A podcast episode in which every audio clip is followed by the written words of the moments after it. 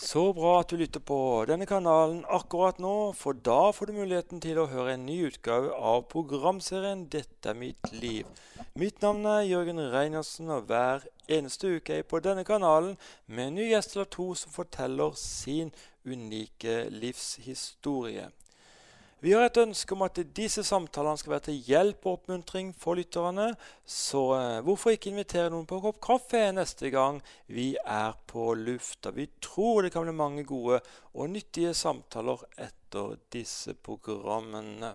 Da skal vi rette oppmerksomheten mot dagens gjester, som er Hanne og Bjørn Severinsen. Velkommen som gjester i Dette er mitt liv. Takk for det. Eh, jeg tror vi skal starte med det, Hanna. Du vokste opp på en gård et stykke nord for uh, Stockholm. Og her har du en litt uvanlig oppvekst. Ja. Eh, jeg vokste opp i et hjem med Vi var tre biologiske søsken. Også, og mamma og pappa, da. Eh, og så hadde vi fosterbarn og foster, ja, fosterbarn, fostersøsken og ja, egentlig alle typer folk som trengte et sted å bo. Egentlig. Noen var der en natt, noen var der tre måneder, noen ble et halvt år. Det var familier, og det var ja, alle mulige folk. Mamma og pappa var veldig, veldig åpne. Mm. Litt spesielt å vokse opp med, eller? Ja. Og jeg var yngst av alle sammen. Det var aldri noen som var yngre enn meg, som var der over lenge tid. Så eh, det er klart jeg, Det var mye jeg ikke fikk med meg, da.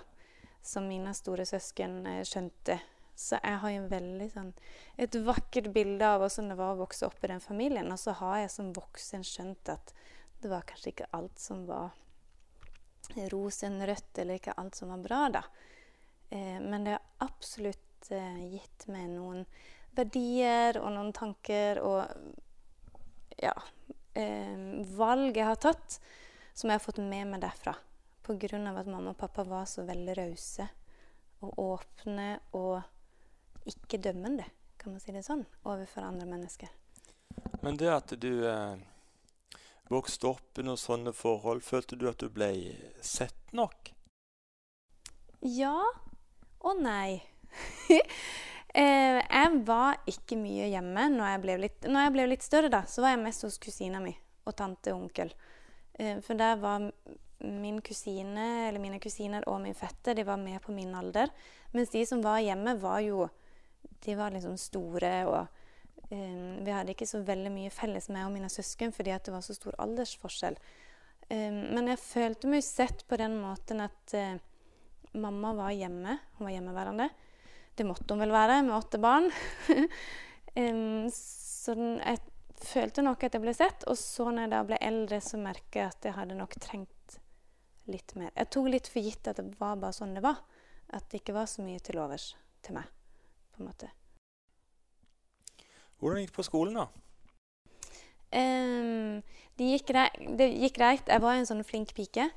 Um, og ble vel ofte, når det kom noen til klassen som trengte litt ekstra hjelp, eller som kanskje hadde vanskelig for å finne seg til rette, så spurte lærerne om jeg kunne passe på dem. Kan du se henne litt ekstra? Kan du passe på henne litt ekstra? Og det ble kanskje litt mye når det ble både der og hjemme.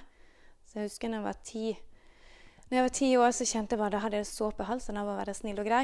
Og alltid måtte ta vare på folk, da. Så jeg husker jeg bare skreik til mamma og pappa en gang. Og det var ikke så vanlig. For det gjorde vi ikke, egentlig.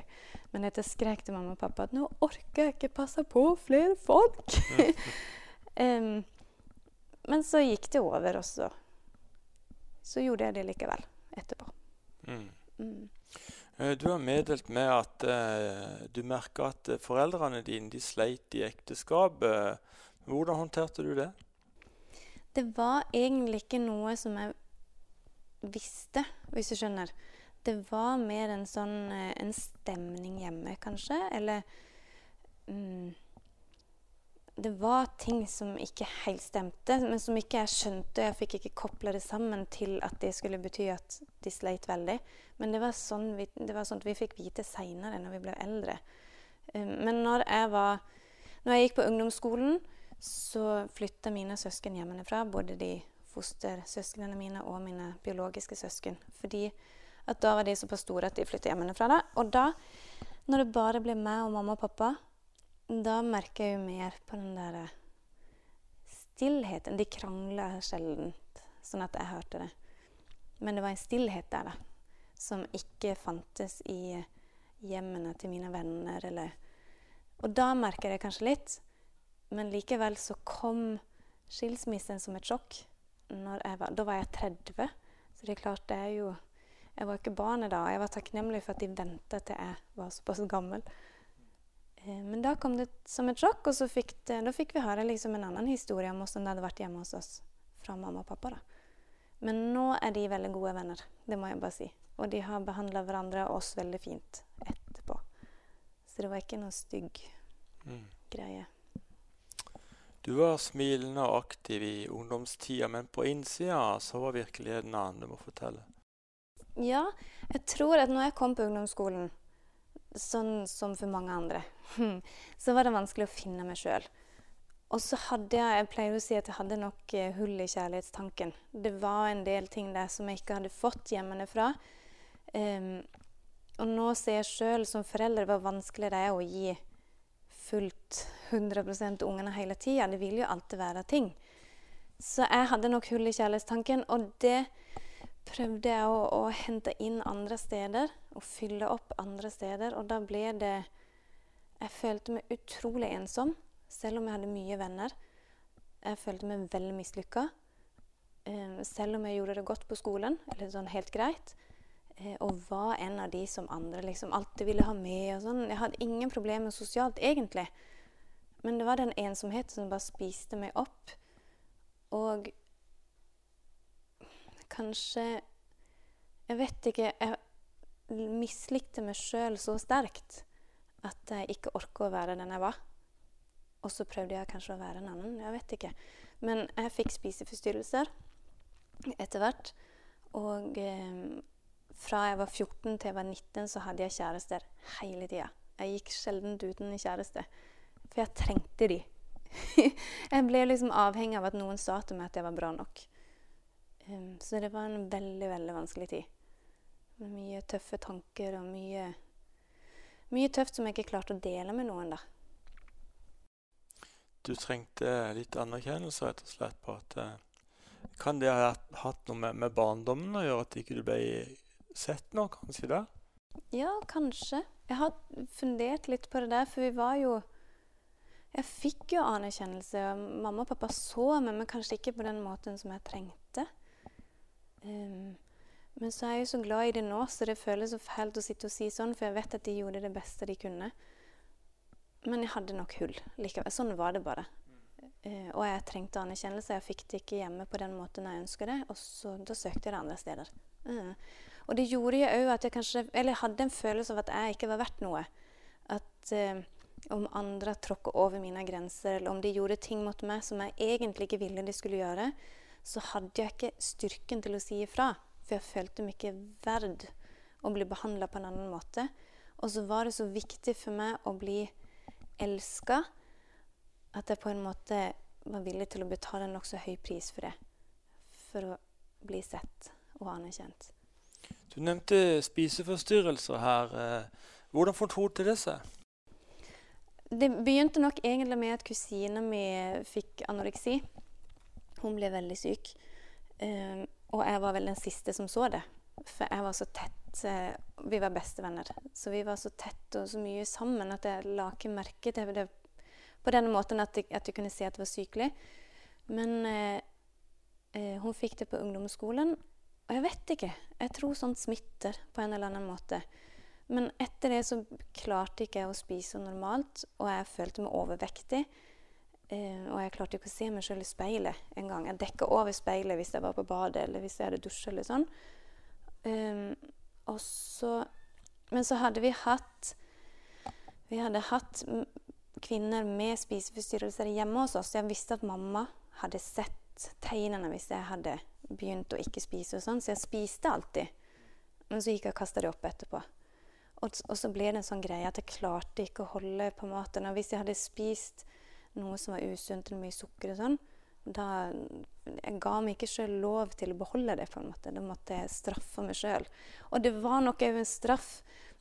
For jeg ville jo leve rent, og jeg ville leve sånn som jeg tenkte at, at dette er et godt liv. Og så klarte jeg ikke det, og så straffer jeg meg sjøl med maten og med det å kaste opp.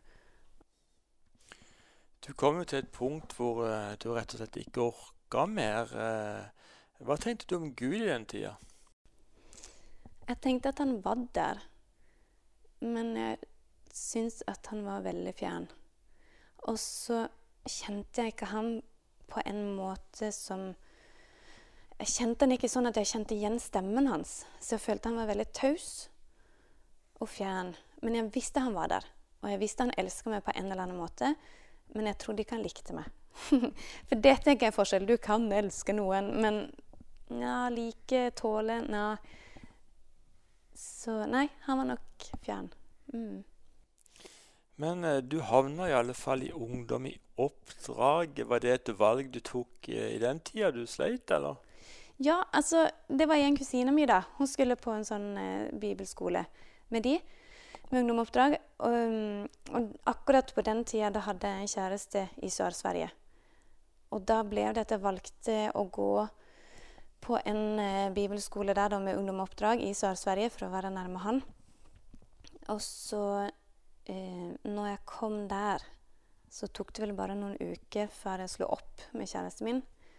Eh, og det var noe jeg egentlig hadde jeg hadde trengt å gjøre. Jeg skulle, burde ha gjort det lenge før. Men det var da jeg klarte å få det til. Og da fikk jeg tida til å bare være, bare være meg og Gud, på en måte. Og så ble jeg kjent med Gud der på en helt ny måte. Skjønte at han faktisk liker meg. At han ønsker å være sammen med meg hele tida, uansett om jeg lykkes eller mislykkes. Uansett om jeg har spiseforstyrrelser eller ikke. Uh, uansett hva som har skjedd med meg, eller hva jeg har gjort. Um, og så fikk jeg Det var helt spesielt, for hun som ble min hva skal man si, mentor, hun var ei dame som jobber med, med mat. Og hun hadde jobba mye med mennesker med spiseforstyrrelser. Så hun så det med en gang. Og så, hun, eh, så hjalp hun meg til å se hva som er en sunn livsstil, og hva som er en sunn et, en sunn måte å se både på seg selv på, men òg det med mat og spising. Mm. Mm. Og i Ungdom i oppdrag da traff du en mann som heter Bjørn. ja, jeg gjorde det. og da tenkte jeg eh, For da hadde jeg nettopp lovt Gud at jeg ikke skulle ha noen kjærester. På egentlig to år. Men så turte jeg ikke å love to år, for det føltes så enormt lenge ut. Så jeg hadde sagt til Gud ok, Eller hadde skrevet en kontrakt på ett år, men i hjertet mitt var det to år. Og akkurat i den tida da møtte jeg Bjørn. Eh, og vi skulle lede et team sammen. Og det var helt krise for meg. Eh, for jeg klarte ikke å holde meg unna gutter. på en måte. Så jeg sa det til Gud. Nå gjør du en skikkelig tabbe og setter meg med Bjørn på team. Men når jeg da traff han, så var han så ulik de som jeg hadde vært sammen med fra før. Eller ja, tidligere, da at jeg tenkte nei, men han, eh, han kan jeg ikke bli forelska i. Dette går greit. vi kan være bare venner, så det går fint. Så da jobba vi i team i noen måneder, da. Eh, ja, vi var vel eh, på den eh, ungdomoppdrag-basen som det kalles. Vi var der ganske lenge samtidig. To år, kanskje? Eller noe sånt. Mm. Bjørn, jeg har litt lyst til å høre hva du tenker akkurat eh, med Hanna her. Eh, tenkte du også det at nei, hun kan jeg ikke bli forelska i, eller? Nei, jeg kan ikke si det. jeg syns det Jeg likte henne egentlig ganske godt fra, fra helt ifra begynnelsen. Jeg gjorde det. Eh, og vi ble, jo, vi ble jo veldig godt kjent. Vi var med et team fra Filippinene der de hang en del sammen, og vi reiste rundt eh, i Sverige. Vi, meg og Hanna leda siden vi var herifra. Og um, da ble det jo naturlig at vi ble sittende og prate en del. Så, så jeg um, Jeg syns jo hun var ei veldig koselig og grei jente. Jeg syns jo det fra, fra begynnelsen. Mm. Så bra. Eh, vi skal straks bli bedre kjent med, med deg, Bjørn. Men Hanna vil bare snakke litt eh, om at eh, for noen år siden ble du sykemeldt i et års tid pga. en depresjon. Eh, hvordan håndterte du det? Jeg visste jo ikke at jeg var deprimert med en gang. Men det begynte med at jeg var egentlig sykt stressa over lang, lang, lang tid. Um, og fikk en kjevebetennelse som gjorde at jeg ble sykemeldt i to uker. Og i de to ukene så kjente jeg på at nå kommer ikke jeg meg opp igjen. Så da ble jeg først sykemeldt pga. den kjevebetennelsen og kunne si det til de rundt meg at nei, men det er kjevebetennelse, det er derfor jeg er syk. Det er noe fysisk. Det er noe, noe som ikke er så skambelagt. eh, og så merker jeg bare når folk ringte og skulle spørre om ting som hadde med jobben å gjøre, og sånt, så bare greina jeg. kunne grine jeg vet ikke hvor lenge hvis jeg hadde fått en sånn telefon og kjente at OK, her er det noe mer, da. Um, så jeg, jeg, husker ikke sånn supermasse fra, den, fra de året egentlig, annet enn at uh, jeg grua meg til hver lege hva skal man si, Hver gang jeg skulle til legen. Fordi jeg visste at jeg klarer ikke å gå tilbake i jobb, og de vil ha meg i jobb så fort som mulig. Men så har jeg en veldig bra lege, og hun så jo til slutt at det her går ikke. Um, så da fikk jeg langtidssykemelding, og så Så måtte jeg bare komme meg gjennom, på en måte. Men da hadde vi en plakat på soveværelset vårt som jeg så. Det var ofte det første jeg så når jeg våkna. Og det, der står det Det er du og jeg, står det bare. Og så er det typisk sånn grafisk fin plakat da, som jeg kjøpte på en butikk i byen. Men for meg ble den en påminnelse hver morgen. Det er du og jeg, Gud. Eller som at Gud sa liksom, han er det du er med. Jeg har ikke glemt det. Selv om jeg kunne våkne veldig mange ganger, så kunne jeg våkne og kjenne jeg har ikke noe å stå opp til. Så måtte jeg minne meg sjøl om jeg har Bjørn, jeg har barna. Ja, og begynne å liksom, tenke gjennom de tingene jeg kunne vært takknemlig for. Jeg har et hus, tak over hodet, min mann har jobb, barna er friske. I hvert fall som regel. um, jeg har venner, jeg har en fantastisk menighet, og jeg har deg, Gud. Og så måtte jeg liksom bare på en måte komme i gang på morgenen med å takke. Selv om jeg ikke følte et fnugg av takknemlighet, så visste jeg at det var eneste måte for meg å komme meg opp på. Eh, det å takke på tross av. Og så gikk nå dagene. Og så gikk det bedre. Og så fikk jeg hjelp. Både som faglig, profesjonell hjelp eh, fra Både med sånn, hva skal man si, eh, ja, med terapi og sånn. Og eh, fra jobben og fra menigheten så fikk jeg òg hjelp. Der jeg fikk samtale med en mentor som hjalp meg med å få ting på plass på jobben. Som var en enorm hjelp. Men det tok et år før jeg var tilbake i, i en større stillingsprosent. Det var det. Hva tenker du er viktig å gjøre, Hanna, eh, med tanke på eh, hvis mennesker får signaler på at eh, de er i ferd med å bli, bli deprimerte? Og jeg tenker man må be om hjelp. Uh, gå til en lege eller snakke med noen. Um, og så Jeg kjente veldig på det Når jeg måtte kaste inn håndkle, på en måte, så kjente jeg på en enorm skam på at jeg ikke takla livet. Og det overrasker meg litt over at det, så, at jeg, at det ble så skarp, sterke følelser på det. Eh, men ikke skam det. For det er noe Det er så mange som går det er så mange som blir deprimert en eller flere ganger i løpet av livet. Men det å få snakka med noen og så eh, Jeg fikk et tips av ei venninne, og det var det eh, Finn de vennene som gir deg energi. Og bruk den energien du har, bruk det, den på de. Um, det var veldig viktig for meg å få være med. Og det var ikke så mange. Altså, jeg har mange venner som gir meg energi, men jeg plukker ut en veldig få da, som jeg var sammen med. Høres veldig fornuftig ut. Og eh, nå, Bjørn, ønsker vi bli litt bedre kjent med deg. Hvor vokste du opp? Jeg vokste jo faktisk opp bare noen hundre meter fra her vi bor i dag. Ja. Så eh, eh, veldig godt og trygt sted. Eh, I nærheten av ei lita kjønn som vi fikk kunne gå og bade og, og gå på skøyter. Altså det eh, Ja. Her i, i Søgne, da. Du vokste opp i en kristen hjem? Jeg vokste opp i et kristen hjem. Eh, utrolig godt hjem. Trygt hjem. Statskirka, som eh, Der jeg ble både eh, døpt og konfirmert. Så eh, Og mine foreldre går i, i kirka fremdeles. Ja. Mm. Du er med i kor. Er du fortsatt glad i å synge? Jeg er glad i å synge. Eh, jeg er ikke med i noe kor eh, lenger. Eh, men jeg syns det er fantastisk med, når man kommer på møte og kunne lovsynge. Eh, du er brannmann. Eh, men for å sitere han Ludvig i Flåklypa, er ikke det farlig?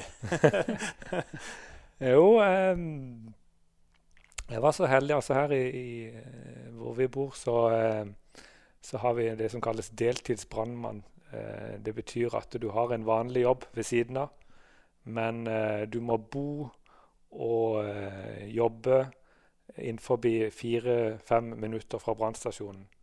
Eh, den, eller egentlig stort sett hele tida.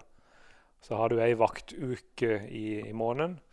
Da, da alarmen kan gå, og du må nødt til å slippe alt du har i hendene og bare komme det fortest mulig til brannstasjonen. Og det um, har vært fantastisk spennende. Eh, jeg, jeg, trives utrolig godt med det.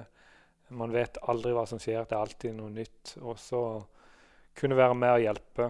For det er jo i de fleste tilfellene noen man må hjelpe på en eller annen slags måte.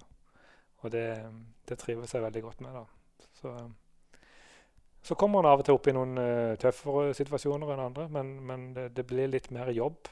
Så man, uh, man, blir jo lært til å takle de, de situasjonene også.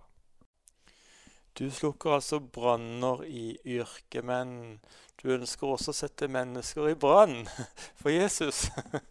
eh, den, den, hører jeg veldig ofte, men jeg, jeg, jeg, velger å kontre med at jeg redder folk fra flammene på, på begge områder. Eh, du er på mange misjonsreiser. Du må fortelle litt. Jo, Eh, som sagt så vokste jeg opp i et kristent hjem. Eh, veldig trygt og godt. og Masse kristne venner og ungdommer på skolen og alt mulig. noe som er... Etter hvert så så en jo at noen ikke ville altså Noen vendte seg vekk fra Gud. Og for meg så ble det veldig rart. Jeg tenkte er det mulig? Eh, her, her, har vi det så godt. Her, jeg hadde liksom fått det inn med morsmelka. Det var, det, det var satt sånn spigra, det med troa for meg. For meg var det vanskelig å, å, se at noen gikk vekk fra troen. Og så, så da jeg, når jeg var 19 eh, år, så var jeg med i et ungdomsarbeid. Og de eh, bestemte seg for å reise på en misjonsreise. Noen fantastiske voksenledere som var med der. Som, og vi reiste til Latvia. Og det var ikke lenge etter at grensene var åpna i Latvia. Da. Så fikk vi lov å være med der og bety en forskjell og få lov å se, ja, se hva det betydde at vi kom der. Og det, det greip mitt hjerte. Så eh, det, det, det, la nok noe frø ned i hjertet mitt som, som begynte å spire fram igjen. Og, og, kom fram igjen litt seinere igjen. Um, ja. For etter det så ja, så reiste jeg rundt jorda eh, sammen med noen kompiser. Eh, jeg hadde egentlig tenkt å gå på bibelskole, men to kompiser sa til meg at du, eh, vi skal ikke heller være med og reise rundt jorda. Og da, da, valgte jeg rett og slett det framfor å gå på en bibelskole. Og så reiste vi rundt jorda, og så heldigvis så var jeg så lur at vi, vi begynte å besøke noen menigheter rundt forbi. Blant annet i Stillehavet så var vi inne på noen, eh, noen små øyer. Den ene øya heter Cook Islands. Det er liksom, Du finner den ikke hvis ikke du vet hvor den ligger i, i Stillehavet. Og der var det jo enormt eh, Hvordan man ble møtt i menigheten, for meg var det var livsforvandlende, rett og slett. Og jeg, jeg kjente bare at åh, dette, den måten, dette er en familiefølelse som jeg kjente i, i menigheten. Det var litt, eh, litt nytt for meg. Selv om jeg hadde vokst opp i menighet, så den familiefølelsen var Så, så vi besøkte flere menigheter rundt uh, jorda. På New Zealand og Australia og uh, ja, rundt forbi. Og, og, det var med å prege meg. Og da bestemte jeg meg for at ja, jeg skal i hvert fall gå på bibelskole. Så jeg var nødt til å, å jobbe litt mer og så spare inn noen penger. Og så reiste jeg òg ut i Ungdom i oppdrag. Eh, og det er nok et av de lureste valgene jeg har gjort. Du var eh, Jeg vet ikke om du var på vei på, på misjonsreise da, men i alle fall du var på vei til Sverige, var det ikke så? Eh, og på vei hjem igjen så, så havner du i ei dramatisk bilulykke. Kan du fortelle den storyen? Ja. Eh, jeg var i ungdomsoppdrag i, i Trond, Trondheim. Eh, ba mye om at Gud måtte lede meg med neste steg. Så Gud leda meg til Sverige. Eh, havna i Sverige, jobba i, i, som frivillig i Ungdom i oppdrag i Sverige, et sted som heter Restnes. og eh, Der var jeg med og leda en bibelskole, eller det som kalles DTS. Og så eh, skulle jeg hjem en, en, en helg jeg skulle feire min bestemor sin eh, bursdag.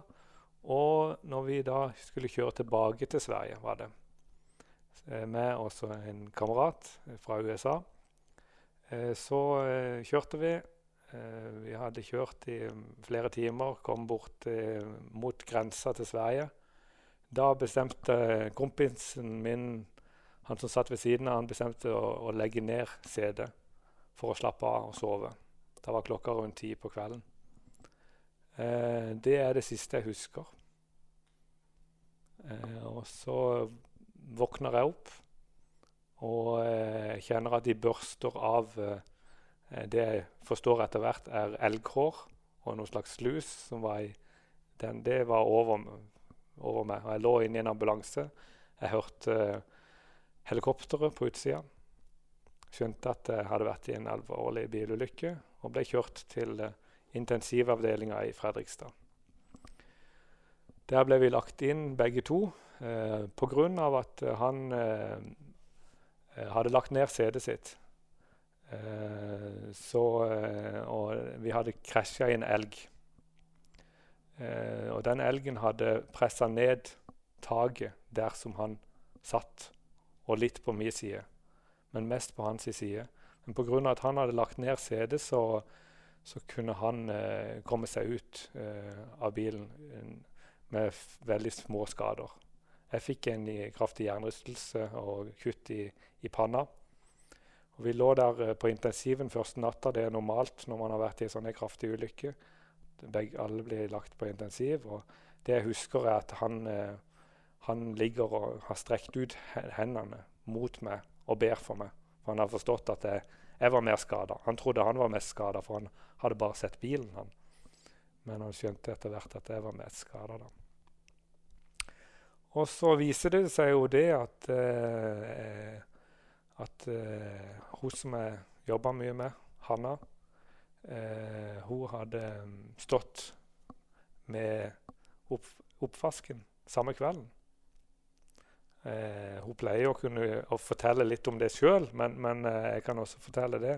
Så, så står hun og, og, tar oppvasken, og så er det ak akkurat som en, nesten som en kniv i maven, der hun bare kjenner at nå, nå må jeg be. Dette er samtidig eh, som vi er ute og kjører, ca. i titida. Og eh, hun har hørt mange sånne historier tidligere om at eh, folk blir minnet om å be. Og så tenker hun ja, ja, nå ser jeg på klokka. Og så, og så i morgen, når jeg møter Bjørn, så vil jeg spørre hva, hva var det som skjedde klokka ti.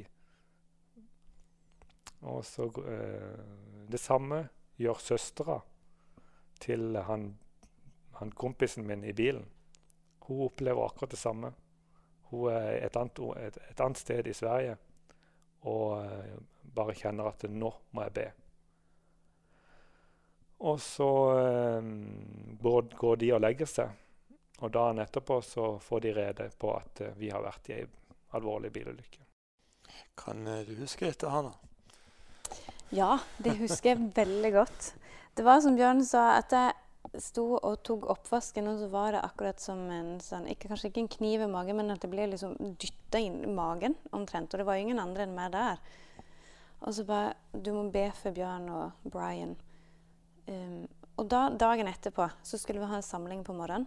Og så kikker jeg bort på, mot huset der eh, de single guttene bodde. Og så så jeg at bilen til Bjørn ikke hadde kommet tilbake. Og så kommer det en kamerat, eh, og så sier han Hanna, Bjørn var i en veldig ulykke. Bjørn og Brian var i en veldig ulykke i går kveld. Og da fikk jeg litt sjokk. Men jeg skjønte ikke da at det var et sjokk, eller hvor sjokka jeg var. Og en venninne til henne vi tok eh, en bil, og så kjørte vi bort til Fredrikstad. Og på veien så hører vi på radio, vi leser aviser om denne ulykka. Og alle sier forskjellige ting. Så vi vet ikke hvor skada de er.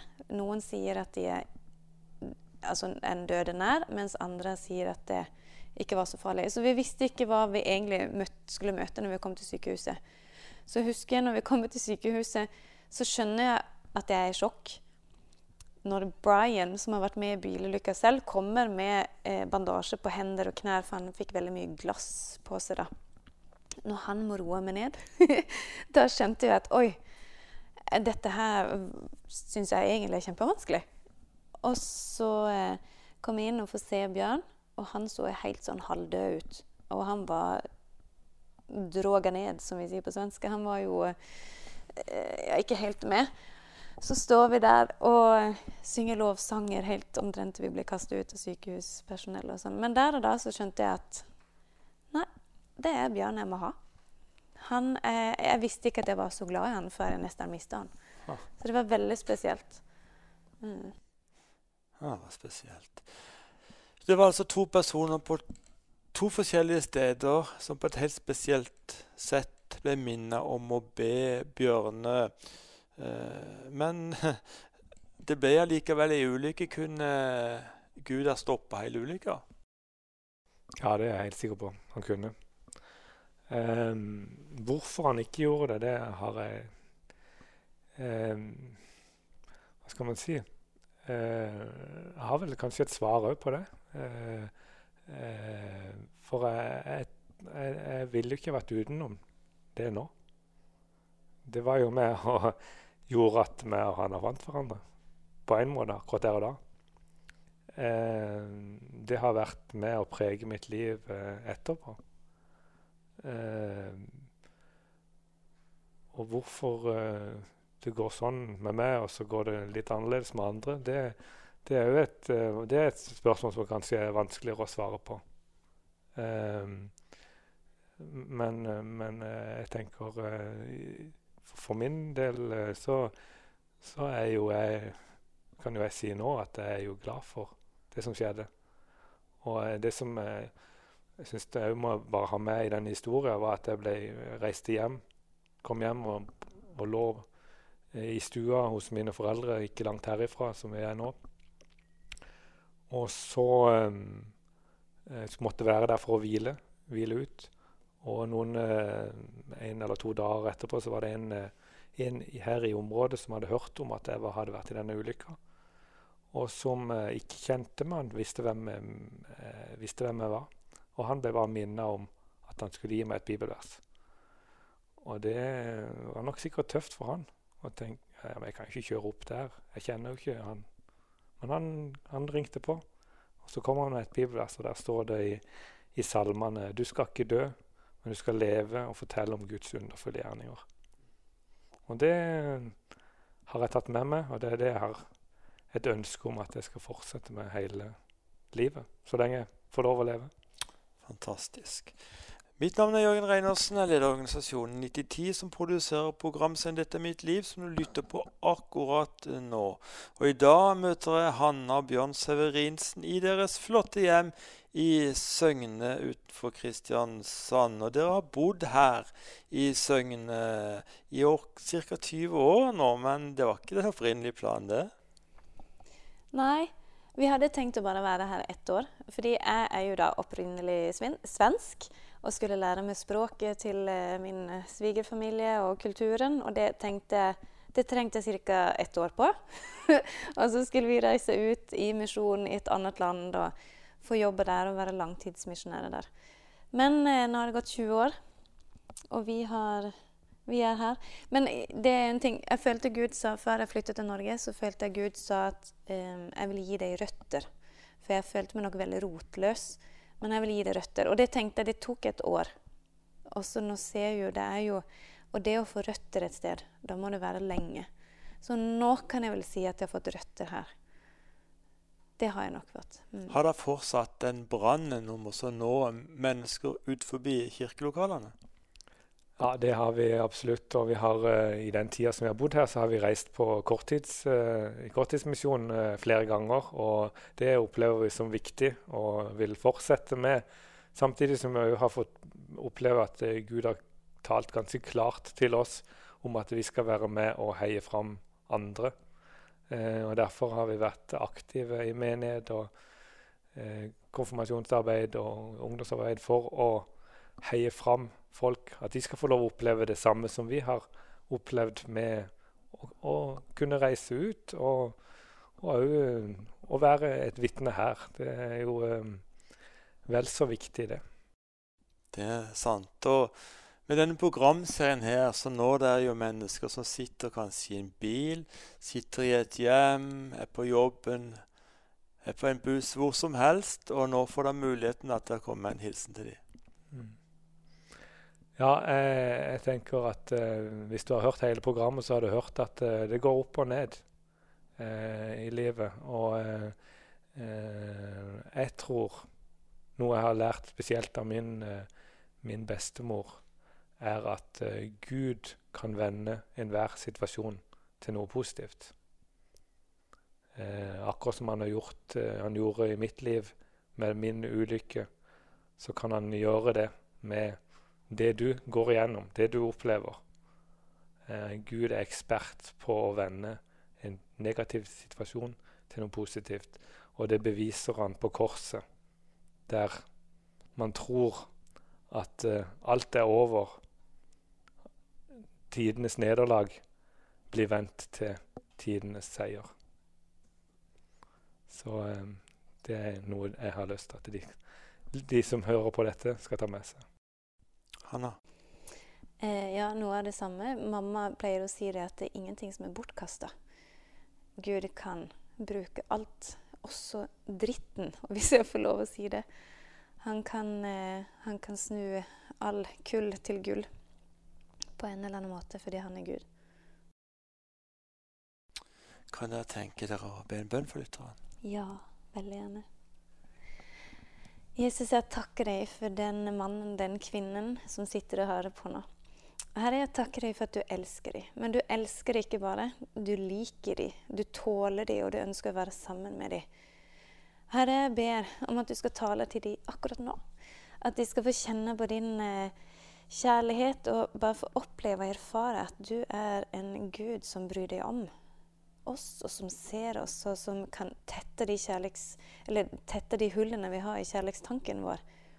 Og her jeg ber for de, spesielt de som er deprimerte, de som kjenner at de ikke orker mer, de som kjenner at de ikke har mer å leve for, eller de som er veldig ensomme og kjenner mye på ensomhet. Her jeg bare ber om at du skal være nær dem akkurat nå og snu denne situasjonen. Vis din utvei, Herre, for du er den Guden som alltid, alltid har en utvei for oss.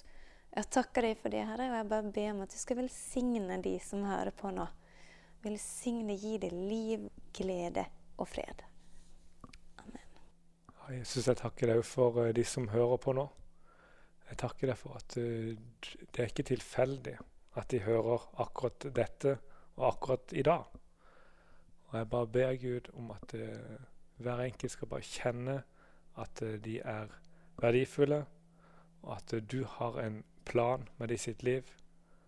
At du vil lede dem, og du, vil, og du fortsetter å kalle på dem helt til de tar imot det. Amen. Amen, amen. Hanna og Bjørn Severinsen, hjertelig takk skal dere ha for dere takka ja til å være gjester i dette programmet som er Dette mitt liv, og takk for at dere var så åpne og delte ærlig fra deres erfaringer i løpet av livet. Må Gud rikelig velsigne dere, deres familie og deres virke i årene fremover. Kjære lytter, i Salme 139, vers 16 og 17 står det:" Da jeg bare var et foster, så dine øyne meg. I din bok ble de alle oppskrevet, de dagene som ble fastsatt, da ikke en av dem var kommet. Hvor dyrebar dine tanker er for meg, Gud.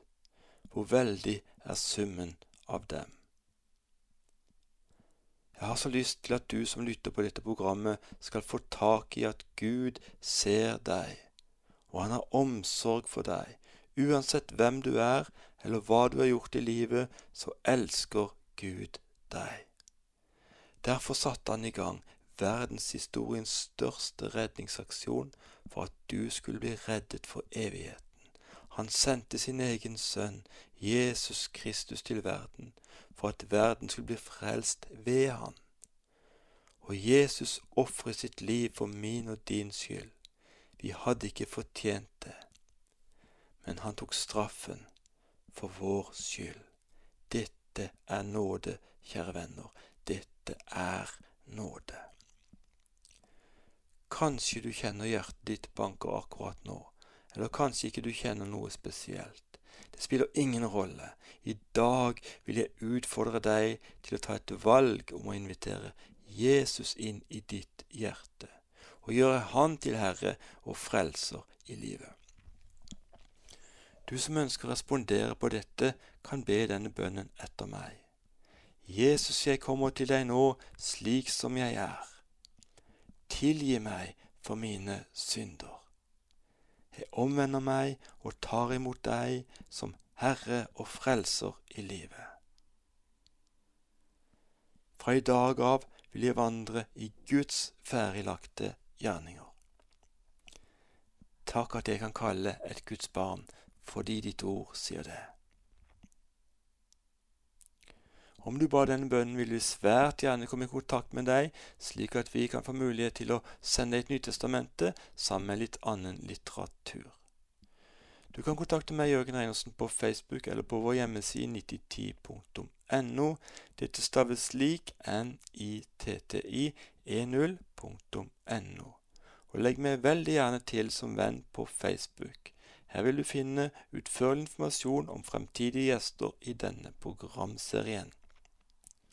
Det er også slik at en del mennesker rundt forbi i Norge er tilknyttet en bønnetjeneste vi har, som du ønsker vi skal be for deg eller noen i din omgangskrets, så send gjerne en melding på Facebook.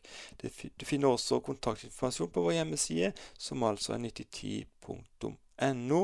Bønneemner anonymiseres selvsagt før utsendelse. La meg helt til slutt be en bønn for deg, kjære lytter. Herre, du ser alle ting og du kjenner alles hjerter. Du ser dem som sliter og opplever tøffe tider, og nå ber vi om at du griper inn, Herre, i Jesu navn. Vi ber om legedom for alle slags sykdommer og plager. Takk at du selv uttalte Jeg er Herren din lege. Derfor takker vi deg for at fysiske og psykiske sykdommer forsvinner nå i Jesu navn. All ære og pris og takk til deg, vår Gud. Ifra evighet til evighet. Amen. Vi håper vi høres også neste uke. Da er vi tilbake på denne kanalen med en ny utgave av programserien Dette er mitt liv. Vi takker så mye for i dag og ønsker deg, kjære lytter, det beste av alt Guds velsignelse.